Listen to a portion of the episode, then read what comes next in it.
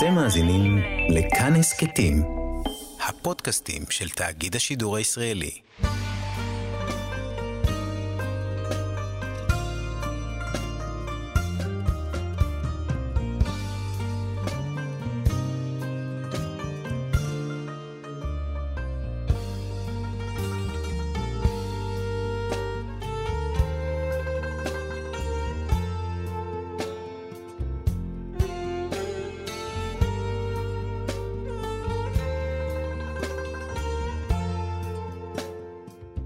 שלום כאן מורשת, חבות הלימוד משותף עם רבנים ואנשי חינוך בנושא תנ"ך, הלכה ואמונה. היום אנחנו לומדים הלכה יחד עם הרב רועי מושקוביץ, ראש בית המדרש רואה ישראל הלכה למעשה.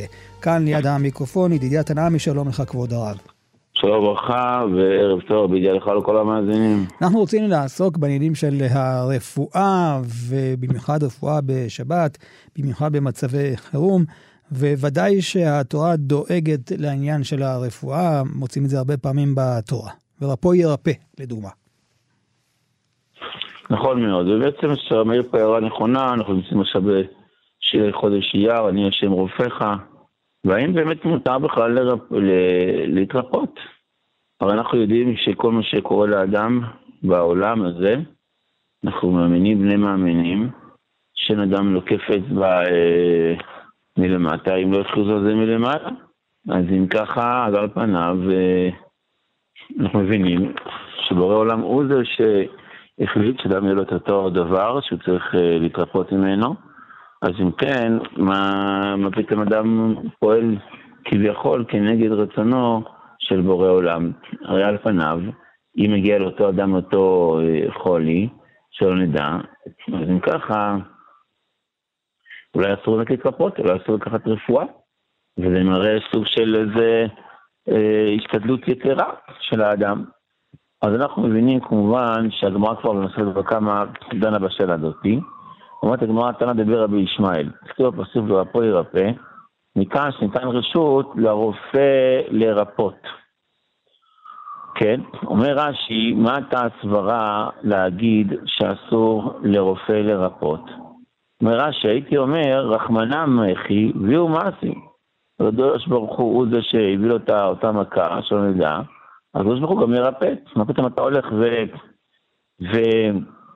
ומתרפא בעצמך, בכוחות עצמך? הרי בורא עולם הוא שזה גזר חולי על האיש פלוני. אז אם הוא גזר, אז למה שהרופא ירפא? אז שהקדוש ברוך הוא ישלח רפואה בדרכים שלו.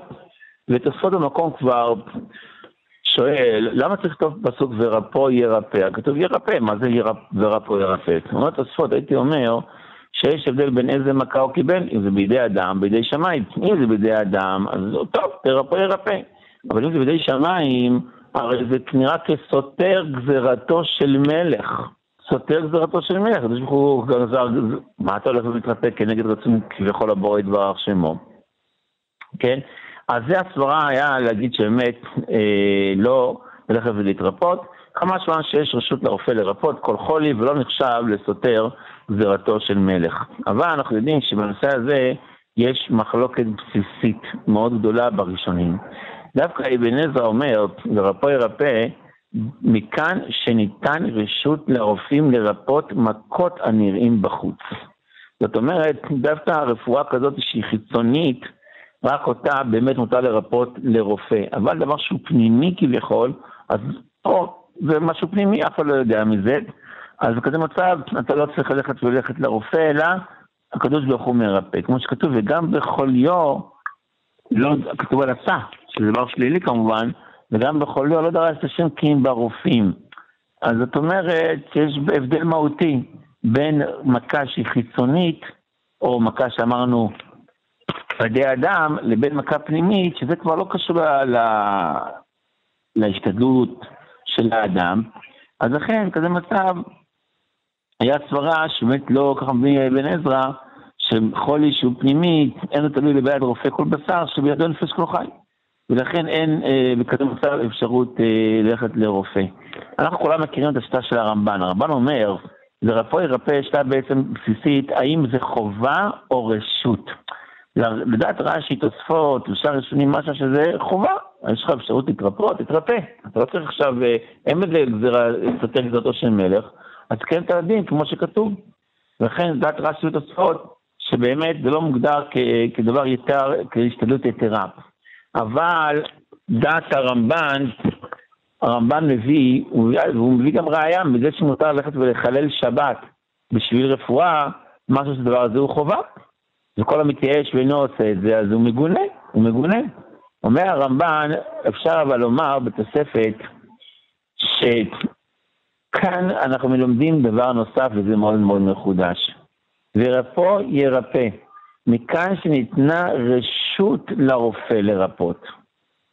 לא אמרו שניתנה רשות לחולה להתרפות, אלא כיוון שחלה בא להתרפות כי נהג ברפואות והוא לא אמר את השם שחלקם בחיים, אין לרופא לאסור עצמו מרפואתו. אז אם ככה, מה שם דברי הרמב"ן, שאם אדם הוא כביכול מעדת השם שחלקם בחיים, אז אין לו צורך ללכת לרופא. הוא יודע שהסיבה שקרה לו על המקרה הזה והזה, זה קרה לו בגלל איזה חיסרון שלו. חיסרון ביראת שמיים, חיסרון באמונה, חיסרון בקיום תורה ומצוות, ברמח איברים ושסה גידים. אז אם הוא מעדת השם, אין שחלקו בחיים, הוא לא צריך לדרוש בין הרופאים. ככה אומר הרמב"ן, מה לראה השם בין הרופאים?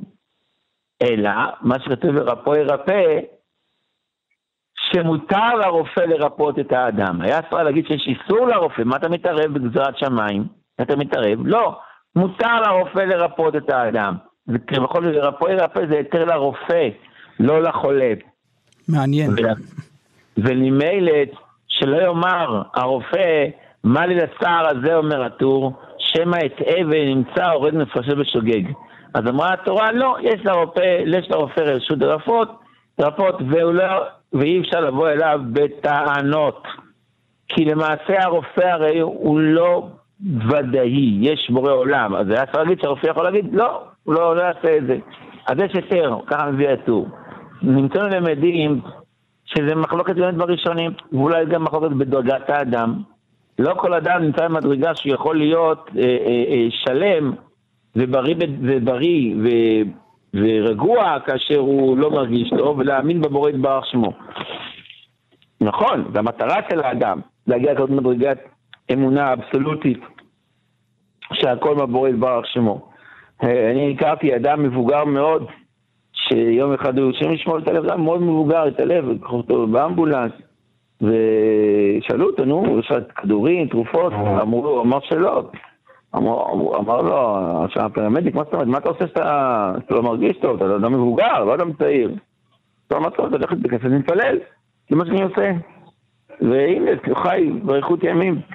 זאת אומרת, האדם, לא כל אדם יכול להגיע למדרגה הזאת, אבל אולי המטרה היא להגיע למדרגה הזאת, למרות שלא כל אדם יכול, יכול נמצא באותה מדרגה, אבל המטרה היא כמובן להגיע לאותו רמת אמונה וביטחון בהשם, שהשם יתברך שמו הוא מרפא, והוא מציל מכל הצרות ומכל הגזרות, ומבטל את כל הגזרות, ואדרבה, את הרשעים אותם הוא מכה ומעניש ומשפיע אותם עד עפר, בעזרת השם במהרה בימינו אמן.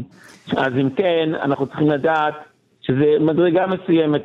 ועל זה אומר הרמב"ן, שאם אדם לא נמצא באותה מדרגה, אלא הוא בעצמו הולך ודורש אצל הרופאים, אז הוא כן צריך ללכת, אז הוא כן יכול ללכת, והרופא כן יכול ללכת ולרפות אותו. נשאלת השאלה, מה הסברה בכלל להגיד שלא ללכת לרופאים?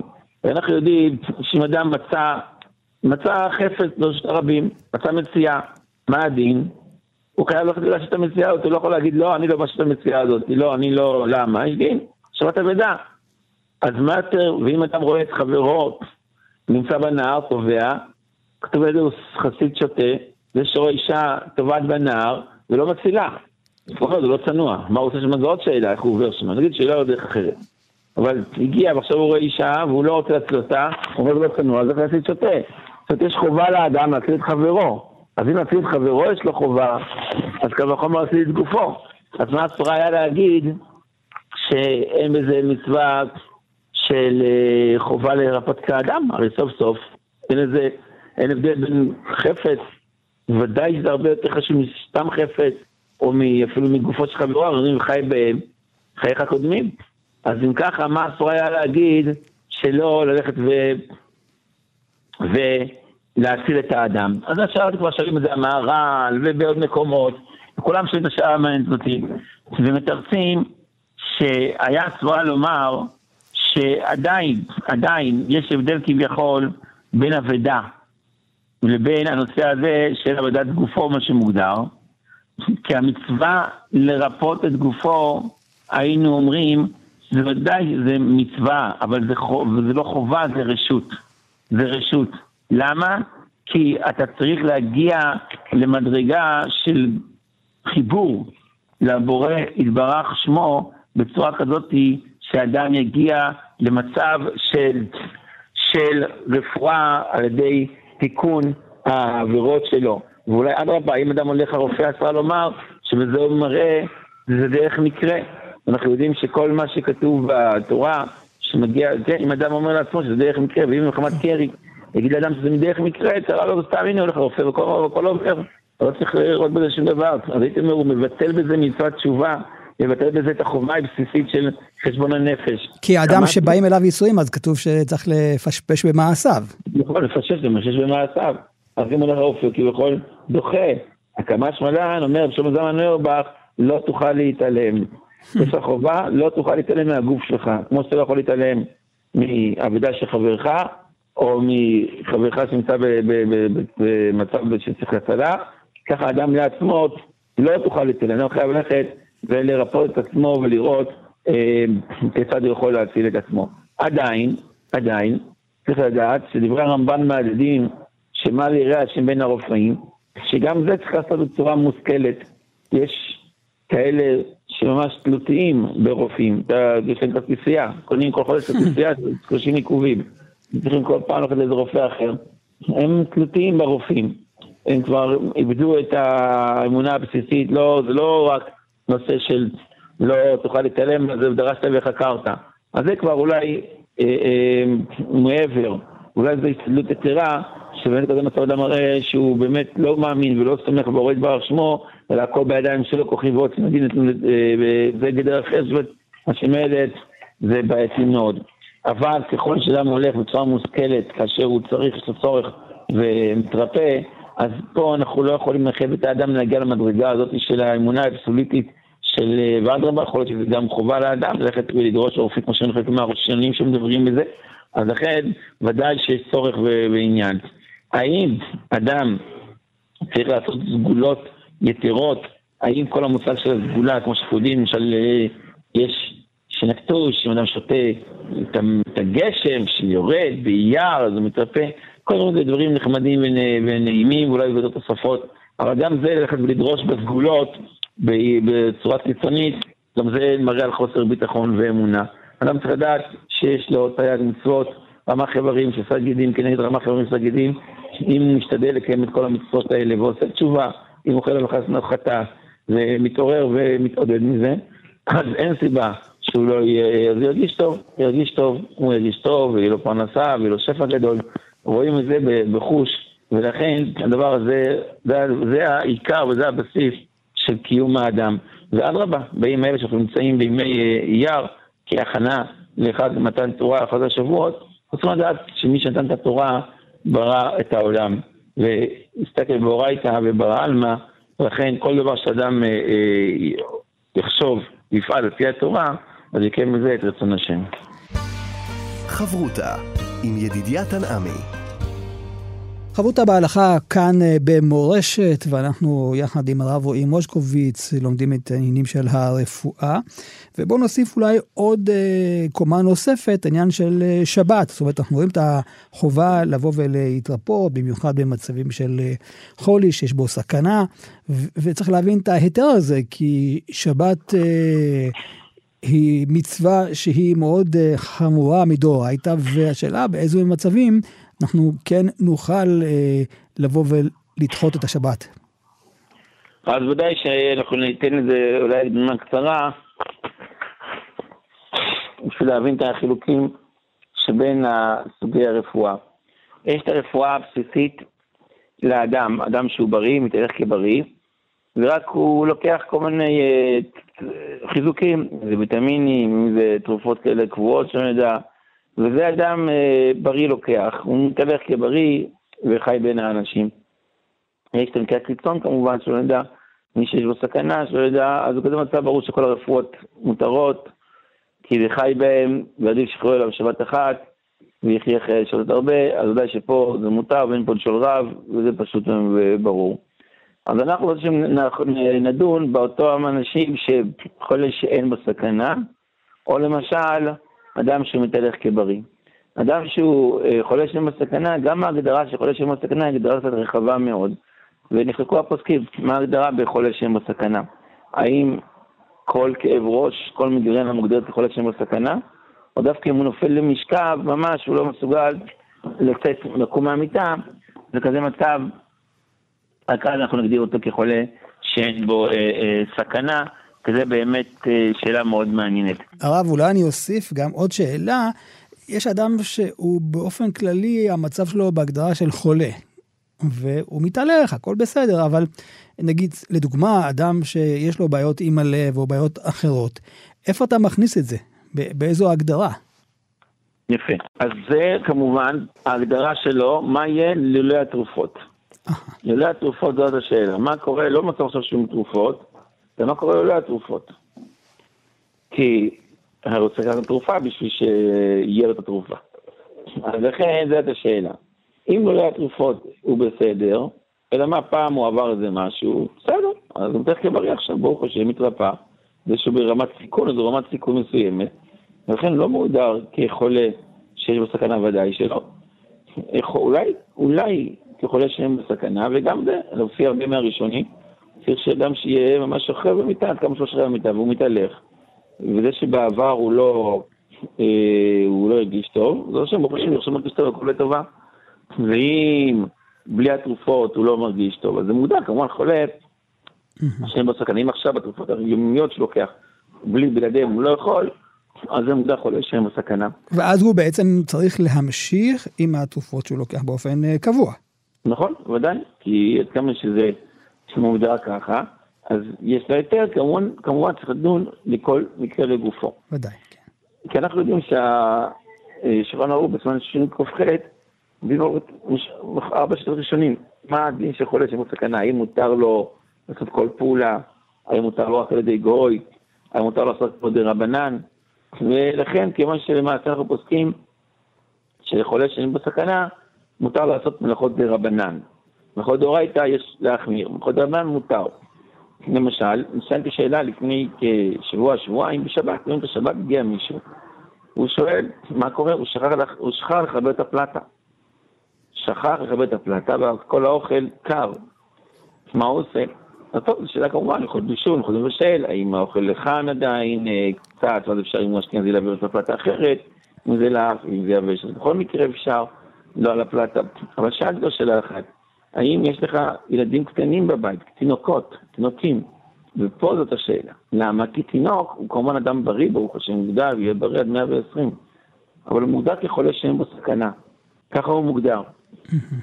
ולכן, אם צריך לדאוג לו לאוכל, אז בשבילו מותר לעשות לכל רבן, שיגיד לגוי שילך וידליק את ה... לכבד את הפלטה, ואז מותר להשתמש בפלטה, אגב, התינוק, אם זה אותו סיר וכדומה.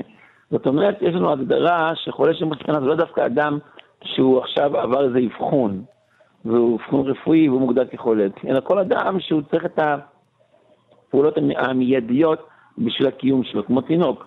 הוא לא יכול להישאר בצום יום שלם, או 24 שעות ודאי, ולכן הוא מוגדר כך. כנ"ל, כנ"ל אותו דבר לגבי כל אדם. ואם הוא בריא עכשיו, הוא למשל במצב כזה שהוא חייב לאכול, כמו אותם אולי שהם אה, אה, מוגדרים כסוכרתיים וכדומה, שחייבים לאכול אם יש להם נפלא וכדומה או עלייה, אז בכזה מצב, שוב, הוא מוגדר כחולה שם סכנה, זו סכנה, זו סכנה מיידית, לא יקרה לו עכשיו איזה משהו בפשטות בעזרת השם, אלא מה, זה משהו שאין בו סכנה, חולה שם סכנה, אז כמובן אמרנו על ידי גוי, אפשר ללכת ולהקל, וכל מלאכות דרבנן, אפשר להקל בשבילו. אנחנו יודעים שבכלל מה האיסור בעצם, מה האיסור בכלל בעצם בנושא של לקיחת תרופות. הרי על פניו, מה הבעיה? זה אוכל לכל דבר. מה מה ההבדל בין אה, ביסלי במבה או תרופה? זהו, כי היום יש כבר הגדרה לכל מיני תרופות שזה תוסף תזונה. כן. איפה פה החילוק? נכון, וזה יכול לדבר לגבי הוויטמינים של אותם אנשים בריאים. אבל כאשר מדובר על אה, תרופות, כדורים, מה האיסור בזה, או סירופ וכדומה? אנחנו יודעים שרבן גזרו גזירה משום שחיקת סימנים. לקחת תרופה בשבט אין בזה בעיה בעצם, אין בזה, מה תגיד, תיקון כלי, תיקון אדם, אין בזה בעיה בעצם. והבעיה היא כמובן לקחת את הכדור, שהכדור עצמו, יש חשש שאם אדם לא יהיה לו איזה, אז הוא ישחוק אה, סימנים מסוימים ויכין לעצמו תרופה. ולכן באמת הפוסקים דנים האם זה גם שייך בימינו, כי שבימינו היום לא כל הכל כך... מוכן, הכל... נכון, כמו שמצאנו לגבי תיקון כלי שיר. שיש מכירים אומרים, בשוגג, אם הוא לקח, אל תמחה בו. למה אם הוא רוקד ומוחא כפיים, למה לא? בגלל שמה יכול להיות, לתקן כלי שיר, היום זה לא חצוי שאנשים מתקנים גיטרות ואורגנים, איך קונים את זה? לכן יש שם הכלים בדבר. אז אולי לפי זה אפשר גם למצוא פתח לאותן תרופות. כי כל האיסור כאן הוא מדרבנן, נכון? השחיקת סימנים. הגזירה היא, הגזירה היא כן, דרבנן. כן, כי המקום מהתורה, כן. שמא יבוא. לידי איסור תורה, שמא יבוא לידי איסור תורה. אבל הנושא הזה הוא כמובן נושא הלכתי מאוד מסובך, סבוך, בגלל שאנחנו יודעים שיש כל מיני סוגים של סממנים, כמו שהזכרת. כשאנחנו מדברים על, על כדורים, אז זה הסימן אולי שהכי שייך פה שחיקת סממנים. זה דבר גם בסירופים וכדומה, שגם בסירופ הדבר הוא בעייתי מאוד משום שחיקת סממנים. מה קורה לגבי הוויטמינים, לגבי תוספי תזונה? פה על פניו אנחנו מבינים שיש לנו בעיה בעצם, כי אדם לא מדובר פה בחולה. חולה, אנחנו גוזרים שמא יש חוק סממנים. אה, אבל אם אדם, הוא למשל, כל פעולה תגידו, אולי אדם יכין, אדם לא יאכל במבה, כי אולי הוא יכין במבה עכשיו, הוא יוצא במבה. זה בסדר, אין בזה איסור, כי אדם לא חייב את זה, הוא לא מחויב בדבר הזה.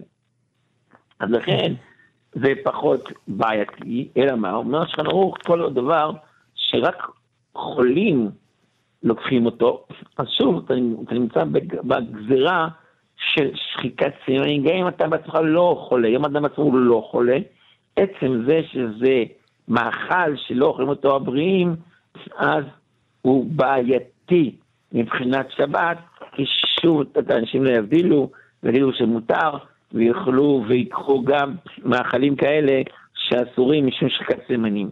אבל יכול להיות היום, שכיוון שהוויטמינים הם דבר שהוא חלק מחיי היום-יום, יש ספורטאים שלוקחים את זה, יש אנשים בריאים, ולא שום חולים שלוקחים את זה, אה, ולכן הדבר הזה, יש הרבה מהפוסקים שהקלו לקחת ויטמינים בשבת, כמובן שאם זה דרך אה, אה, כל מיני סוכריות ולעיסה, זה הרבה יותר קל, כי זה ממש כמאכל בריאים, ולכן בכזה מצב יש מקום להקל, במיוחד נשים בהיריון וכדומה שלוקחים ברזל, ולכן יש מקום להקל, כמובן שיחמירו ויגידו, קחו לפני שבת ואחרי שבת, אבל אני רוצה להקל בזה, יש לו על מה לסמוך, כיוון שמדובר על מאכל שהוא מאכל בריא, והיום זה מאוד מצוי, הוויטמינים ותוספי התזונה, ולכן מותר ללכת ולאכול את זה. דבר אבל שלא רגילים לאכול אותו, רק חולים, כדוגמה, כמו אביה לגבי שמן למשל, שלא לוקחים אותו ככה כשהוא חי, וכדור- ושאר דברים שרק חולים לוקחים, זה לא כדור, גם זה מאכל, הוא גם בעייתי, שוב, כי אנחנו לא לוקחים מאכלים שמיועדים ל- אה, לחולים בשבת, כי אתה בעצם בזה אתה עובר על אותו חשש שמא יכין לעצמו תרופות. והחשש שמא יכין לעצמו תרופות זה בעיה של טוחן, של שחיקה, וזה איסור תורה, וממילא אדם שעושה כאלה פעולות יכול להגיע לידי איסור תורה, ולכן אסור לו ללכת ולקיים את הדברים האלה. מביא השולחן ערוך גם אותו דבר לגבי לעשות התעמלות, או לעשות, אה, לא, להזיע. פיזיותרפיה, דברים כאלה. נכון מאוד. אז אם זה צריך רפואי זה בעייתי. אם המטרה שלו זה בשביל להזיע, או כל מיני משזים כאלה, וכל מיני, כמו שהזכרת, פעולות שאדם עושה אותן בשביל תרופה, בשביל צורך בריאותי, זה בעייתי. אין בעיה לרוץ בשבת בעצם. הנה, לנערים המתנהגים בריצתם, מותר, אולי זה לא כבוד השבת, אבל מותר, מותר להם לרוץ תופ- תופסת, לשחק תופסת בשבת. אין בזה איסור. אבל אם הריצה היא לצורך פעילות הגוף, לחיים את הגוף, להזיע, זה כבר בעייתי. זה כבר יוצר בעיה של נראה כרפואה. לפי זה בזה שהבנתי מה קורה עם אותם אה, כלים, אותם משחקים, אה, מכשירים שנמצאים היום במדינות ציבוריות, משחקים שהם משחקים של... כושר. כושר, מתקני כושר, בדרך כלל זה נמצא בגינות משחקים, בגינות שעשועים, האם מותר ללכת ולהשתמש בהם, ולעבוד איתם, לעשות בהם פעולות בשבת? אז על פניו, אם זה פעולה אחת, שתיים, אין בזה בעיה בעצם בפעולה. ואם המטרה שלו היא כמובן להתעמל ולאמן את הגוף שלו ולהזיע ולהבריא על ידי זה, זה כמובן כן. בעיה קשה מאוד מצד הלכות שבת, לכן יש להימנע מלהשתמש באותם מתקני כושר בשבת קודש. אולי בעניין הזה נעשה אולי הבחנה בין המשך תהליך לתהליך חדש. כלומר, אדם למשל שנמצא בפיזיותרפיה והוא צריך להמשיך את התרגילים לאורך תקופה מסוימת, ואם הוא אה, יעצור בשבת, יכול להיות שתהיה נסיגה. האם זה אה, יהיה מותר? פה כמובן, עד כמה שזה צורך רפואי, כן. הדברים האלה, אם זה לא ממש אה, פיקוח נפש ודומים וכדומה, ואם עושה מוצאי שבת, הוא גם יכול לעשות את זה, אז לכן כן, כן ראוי שלא יעשה את זה בשבת קודש, אלא יתחכה במוצאי שבת, שוב, כי זה משהו ממש רפואי לצורך רפואי. אבל אם זה דבר לעשות אותו גם דרך אגב, אה. אז אין בעיה, אם אומרים לאדם, אה, תלך, תראה מדרגות, בסדר, אז הוא עושה כן. מדרגות, אז אין בעיה. אז יכול לעשות את זה גם אם הכוונה שלו לצורך אחר, זה לא משנה. היום זה פעולות כאלה שנראות אה, נטו לצורך רפואי, ראוי שיעשה את זה. בעיה. בואו ניקח עוד אה, דוגמה נוספת אה, של המשך דברים. אה, למשל, אדם שיש לו יובש בעיניים והוא לוקח טיפות. האם זה נחשב רפואה או שזה חלק מתוך ההתנהלות של האדם? הנושא הזה של הטיפות והמשחות, אז יש לזה הרבה בעיות. דבר ראשון, אנחנו יודעים שטיפות, עיניים, טיפות, כל שאר הטיפות, הן כמובן אסורות בשימוש, כיוון שזה מוגדר שחיקת סימנים לכל דבר. במידה והעיניים, עיניים זה כן מוגדר במקום שכל איבר, כן. איברו. זה מוגדר איבר שיש בו סכנה כי הוא נגד הלב. אנחנו יודעים שיש ל"ב תיבות חוכמה, יש 32 חוטים שיורדים מהמוח דרך העיניים, ועד הלב לא תטור אחרי לבכם ואחרי עיניכם, זה ל"ב. אז כנגד זה יש לנו אה, ל"ב אה, חוטים בציצית, וזה כנגד העיניים והלב. אז לכן עיניים כן מוגדר. אמנם, אמנם, עדיין, לא כל יובש בעיניים מביא סכנה, ובדרך כלל זה לא מביא סכנה, ולכן יש להימנע מזה. לכן יש להימנע מזה, כיוון שלא מדובר פה באדם שהוא אה, אה, חולה, רק אם הוא ממש גורם לו צער גדול, אז יכול להקל על ידי גוי או קטן שיטפטף לו. כי זה משמעותי לאדם שלוקח עצות מגע, אז אה, בדרך כלל הם שמים גם אה, טיפות שם. אז הדבר הזה יהיה אסור? הדבר הראשון, עצם הדשת מגע צריך לדעת לא לשים אותם בחומר, כי זה ממש איסור מעבד. חומר, יש חומר מיוחד לשבת קודש, כי אחרת הוא עובר איסור בפשטות, אפילו איסור תורה. כמובן, תלוי בפוסקים, תלוי בהרבה גורמים, כמה זמן וכדומה, אבל הדשת מגע אסור לשים אותם בתוך החומר הרגיל של... אה, הרגיל כמובן. כן. כן, אלא רק בחומר שמיועד לשבת קודש, ללא מלח. אמ, כנ"ל, אותו דבר, לגבי העיניים, לכן ראוי באמת, לא, זה לא מוגדר כחולה שם הסכנה, ולכן אם הוא יכול משקפיים, או עכשיו גם הוא הולך ללמוד לנושא של הלייזר, יכול לעשות לייזר, אבל לכתחילה לא ישתמש בנרות, בטיפות שבת, טיפות עיניים בשבת. חברותה עם ידידיה תנעמי חברותא במורשת, חברותא בהלכה, אנחנו עוסקים בענייני רפואה, ועדיין אנחנו בענייני השבת, ונשאל עד כמה הדבר של הזעקת עזרה, למשל אה, להזמין אמבולנס, להזמין אה, רופא בשבת, איזה שיקול דעת צריך כדי לדעת האם הדבר הזה מסוכן או לא מסוכן? כן, אנחנו יודעים כמובן את הסוגיה הזאת שנמצאת מאוד מאוד מצויה, בעיקר אצל אה, יולדות, נשים שצריכות ללדת בשבת קודש, אז באמת, האם מותר להם אה, לכתחילה ללכת אה, ולהזמין אה, או לחלל שבת בשביל ללדת? היא כמובן, אם היא לא, היא לא שייכת, אם מתייחסת לידה פתאומית, אז זה ברור שאין כן. פה צד. אבל יש תמיד הן לא יודעות, יש צירים, אין צירים, האם אני בלידה או לא בלידה, מה עושים באמת? נכון מאוד, ולפעמים גם אדם או אישה יכולה לדעת ש... ובטווח התאריכים הזה היא צריכה ללדת, האם ראוי שבשבת תלך קודם לבית החולים, או... אפילו למיילדת שנמצאת בקרבת מקום, כדי שתבדוק אותה אולי. נכון, או, או לשכור דירה, או אם ההורים גרים עד איזה מקום שיותר קרוב לבית חולים. האם זה חובה, או צורך, או אין צורך בכלל, כי סוף סוף מותר לעשות כל פעולה בשביל כמו שגמרא מביאה, שאפילו אם מבקש להדליק את האור, מותר להדליק בשביל את האור, אפילו שהיא שלא אסומה, מותר להדליק את האור בשבילה, כי גם אם היא עצמה לא נהנית באור, היא רגועה בזה שחברותיה באות, אה, באות ורואות ומסתכלות ויודעות שהכל בסדר. יתרה מזאת, מה קורה עם המלווים? לא פעם ולא פעמיים האישה רוצה שילוו אותה, או הבעל, או אימה, או גם וגם, או שכנה, או מיילדת. האם הדבר הזה מותר בשלבת קודש? אז כמובן שאנחנו צריכים לדעת, ויש את הסיפור המפורסם על uh, הרב ברוך שמעון סלומון, רבה של uh, פתח תקווה, זכר צדיק קדוש לברכה, שמאוד נלחם על השבת, היה מאוד חשוב לו, הפריע לו מאוד אחרי השבת שמתרבים, לצערנו, מאז שנפטר התרבו בכפל כפליים, ממש אין צופה פה מצפצף בעיר פתח תקווה במיוחד, אפשר בעיירות גם, הערים. על כל פנים, מסופר שאימא שלו, באמת כשהיא גרו במרחק מאוד גדול מבית החולים, והיא הייתה צריכה ללכת בשבת, והתחילה צירים, וביקשו אז אמבולנס, אמרה לא, בשום פנים ואופן. התחילה ללכת צעד אחר צעד, עד שבאמת היא הגיעה לבית החולים, וילדה בבית חולים ממש בהליכה במסירות נפש לשבת, אולי אומרים מכוח זה, המסירות נפש שלה, יצא בן שככה נלחם בעבור השבת. על כל פנים, לא כל אחת מסוגלת, ולא גם כל אחת זה מומלץ. אבל רואים מכאן שיש עניין ללכת ולשמור את השבת גם בזמן הלידה. כמו שגמרא בקונזייה, אותה אישה מעוברת, שביום הכיפורים אה, ביקשה לאכול, ואמרו לה עכשיו יום כיפור, והיא זכתה ולא אכלה, ידעה מזה בן צדיק, ואילו השנייה שכן אכלה, אז נולד הבן שהוא היה רשע. זאת אומרת, מותר, אבל מותר עדיין זה לא אומר שזה, יש הרי מחלוקת ראשונים, האם זה הותרה או דחויה. מחלוקת, האם אנחנו מחיילים שבת מגדר הותרה, ואז הכל מותר, או בגדר דחויה. מה שאין ברירה עושים, אבל מה שלא, אסור, ולכן זה מוגדר כדחוי ולא כמותר.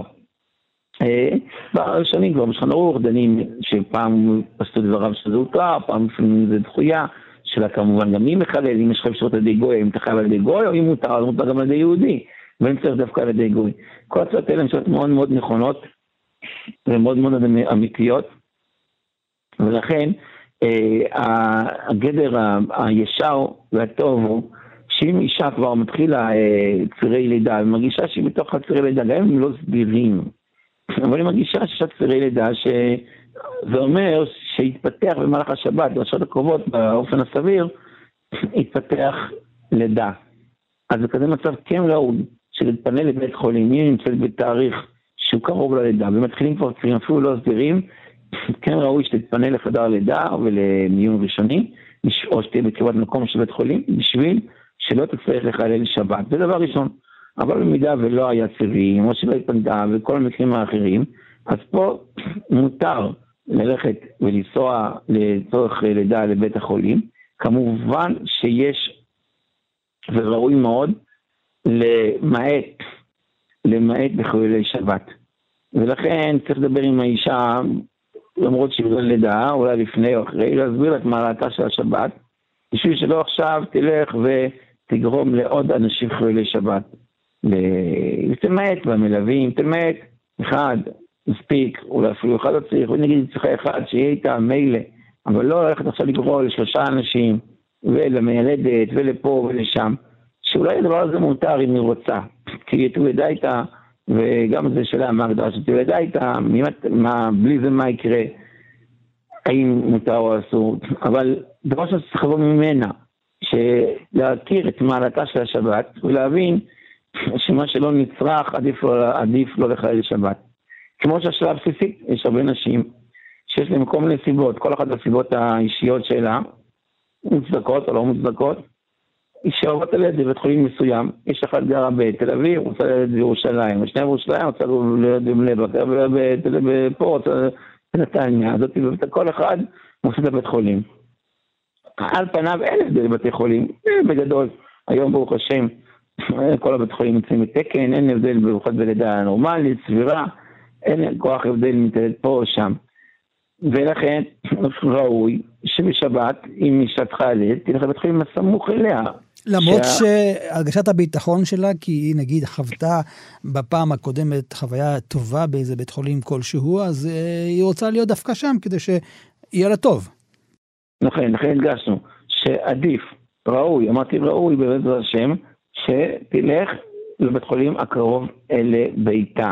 ככה ראוי, ככה צריך, ל, ל, ככה היא צריכה לחשוב ולהתבונן בזה לפני ולצמוח שזה בשבת, היא רוצה את הבית חולים הכי קרוב, זה הרצון שלה. אבל במקרה, כמו שאתה מזכיר בידידיה, שהיא רוצה בית חולים אחד מסוים כי הוא עושה לה רושם שהוא יותר טוב, במיוחד אם היא הייתה בבית חולים אחר ושם היא פחות הרגישה טוב. אז ניתן להקל ללכת לבית חולים אחר, כן. ניתן להקל, זו ההגדרה. אבל אם, אם היה אפשר שהיא מעצמה, ככה אולי ראוי, תחשוב שהשבת היא חשובה יותר מכל הרגשה נוחה, לא מדובר פה על נכון. הרגשה נוחה, אה, לא מדובר פה שלהם יקרה משהו שהוא פחות רפואי, אלא משהו של הרגשה, יתרה מזאת, לפעמים נשים אומרות, ניסע לבית חולים אחד, הוא נותן עוד יום, יום אשפוז. או האשפוז שם, האוכל ברמה יותר גבוהה. זה חילול שבת לכל דבר. כן, זה לא שיקול. זה לא שיקול, ונשים לצערנו, אה, כמו, כן, כמו אנשים עושים את השיקול הגשמי לפעמים, ולא מבינים שהמעלה של השבת היא מעלה גדולה וגבוהה יותר. ולכן ראוי מאוד מאוד להזהיר אנשים, אנשים, ואין מזורזים למזורזים, שלמעט בחולי שבת. גם הנושא של התיק שמכינים, חדש, מה לשים בתיק, שלא שמע אביזרים של חילולי שבת, טלפון, הרי אין צורך בטלפון, אין שום צורך בטלפון אם אתם נוסעים, נוסעים באמבולנס וכדומה, אין שום צורך בכל העטים, בכל הדברים של חילולי שבת. כמובן שיש סברה של אם זה בסיס לדבר האסור והמותר, אם זה אותו דבר, יש מקום להקל. אבל כמה שדבר זה בסיס לדבר האסור, או שהדבר האסור הוא חמור יותר, אז ודאי שיש צורך להחמיר וזה לא לקחת דברים שהם אסורים. זו, השאלה היא כזו, למשל, לגבי ההתלבטות, האם לנסוע עם רכב, או כאשר הבעל נוהג, או להזמין אה, אמבולנס, יש הבדל? אז הפוסקים דנים בזה, באמת שואלים האם מותר, גם אם הבעל נוהג, האם מותר להחזיר את הרכב, אם מותר לכבות את הרכב. יש בתי חולים שבאמת שומר גוי שמכבד את הרכב, לכן ודאי שעדיף האמבולנס, עדיף הצורה, קו וחומר. שיש מקומות, הרבה מקומות, מקומות ריכוזיים של, של שומרי תורה ומצוות, שיש אמבולנס או אוטו חירום, הנהוג, שהנהג שלו הוא אדם שהוא לא יהודי. ועד כזה מצב, בכלל פותרים את הבעיה, וכמובן שבטלפון, אז אפשר להתקשר אם זה צורך, אה, ולהזמין את אותו אדם, כך, ככה גורמים שגם לא יכולו לשבת בנסיעה, ככה זה עדיף תפי. טוב, אנחנו לקראת uh, סיום, אולי ככה נסכם את הדברים uh, באווירה דווקא של מתיחות בימים האחרונים, אז uh, עד כמה באמת צריך uh, לבוא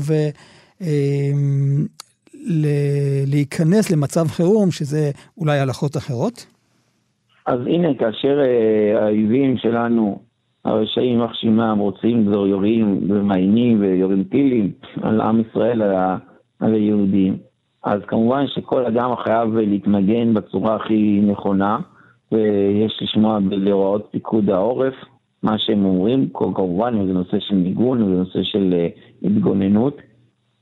וכשאלה שאלה, מה קורה בשבת קודש, אז יש צורך, א', לשמוח בשבת בכל מקרה, גם אם זה לפי מלחיץ, במיוחד הקולות האזעקה מלחיצים הרבה יותר, והיירוטים מלחיצים יותר מהטילים כמעט, mm-hmm. אבל עדיין אה, יש צורך לשמוח ולענג את השבת בכל מה שהוא יכול.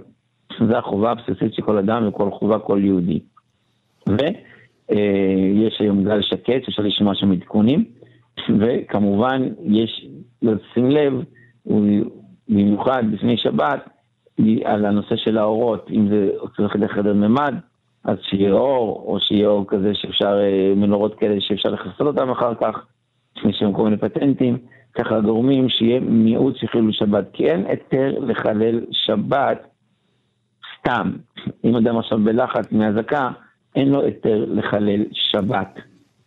רק אם, כמובן, אם זה מצב של חשש, סכנה, כמו אותם מקומות שסמוכים למקומות של משם היריות, מעזה, שם זה יותר חשש סכנה, ולכן כן, מותר להם אפילו לגרום לעצמם סוגי של חילולי שבת, אם זה לצורך מיגון והתמגנות זה ודאי, אבל ככל שאנו מדברים במקומות יותר מרוחקים, שיש זמן יותר מהיר אה, להתמגן, אז בכזה מצב אין יותר, אה, אין יותר, שם הסכנה היא פחות ממשית, ולכן זה פחות מודע כספק בכוח נפש, לכן אין יותר לחלל שבת, זה צריך לדאוג להכל מראש, אם זה אה, אור בממ"ד, אם זה מפתחות, אם זה טלטול, כל הנושאים האלה, צריך לדאוג לזה לפני זה. בשם, ששם אה, יפה רצה את אויבינו וכתב מחשבתם, הם קראו ונפלו ואנחנו קוראים את הדעת. בעזרת השם, השם השם נזכיר ונצליח, נעשה ונצליח, וששבת קודש תעבור על כולם בשמחה, בעונג, בשפע גדול, כי כאשר מכוונים את השבת, השבת מכבדת את האדם במשך כל השבוע כולו. בעזרת השם, ורק נזכיר שאנחנו דיברנו כאן על העקרונות של ההלכה, וכל דבר זה לגופו, לשאלת... כל חשת רבותיו, וזה אזכרה נכונה לכל השיעורים שלנו. תמיד אני מנסה לומר שזה לא הלכה למעשה, הלכה, פותחים בית מדרש, קצת לרע באופן אישי. ולשאול אותו את ההלכה וככה לעשות. שבת עימי לזרוק רפואה קרואה לבוא, תודה רבה לך, הרב רועי מושקוביץ. ראש בית המדרש, רואה ישראל הלכה למעשה. אנחנו נשוב וניפגש בחבותה הבאה, ניתן להאזין לתוכנית הזאת ולשאר התוכניות באתר כאן מורשת ובשאר יישומי ההסכתים. אתם מאזינים לכאן הסכתים, הפודקאסטים של תאגיד השידור הישראלי.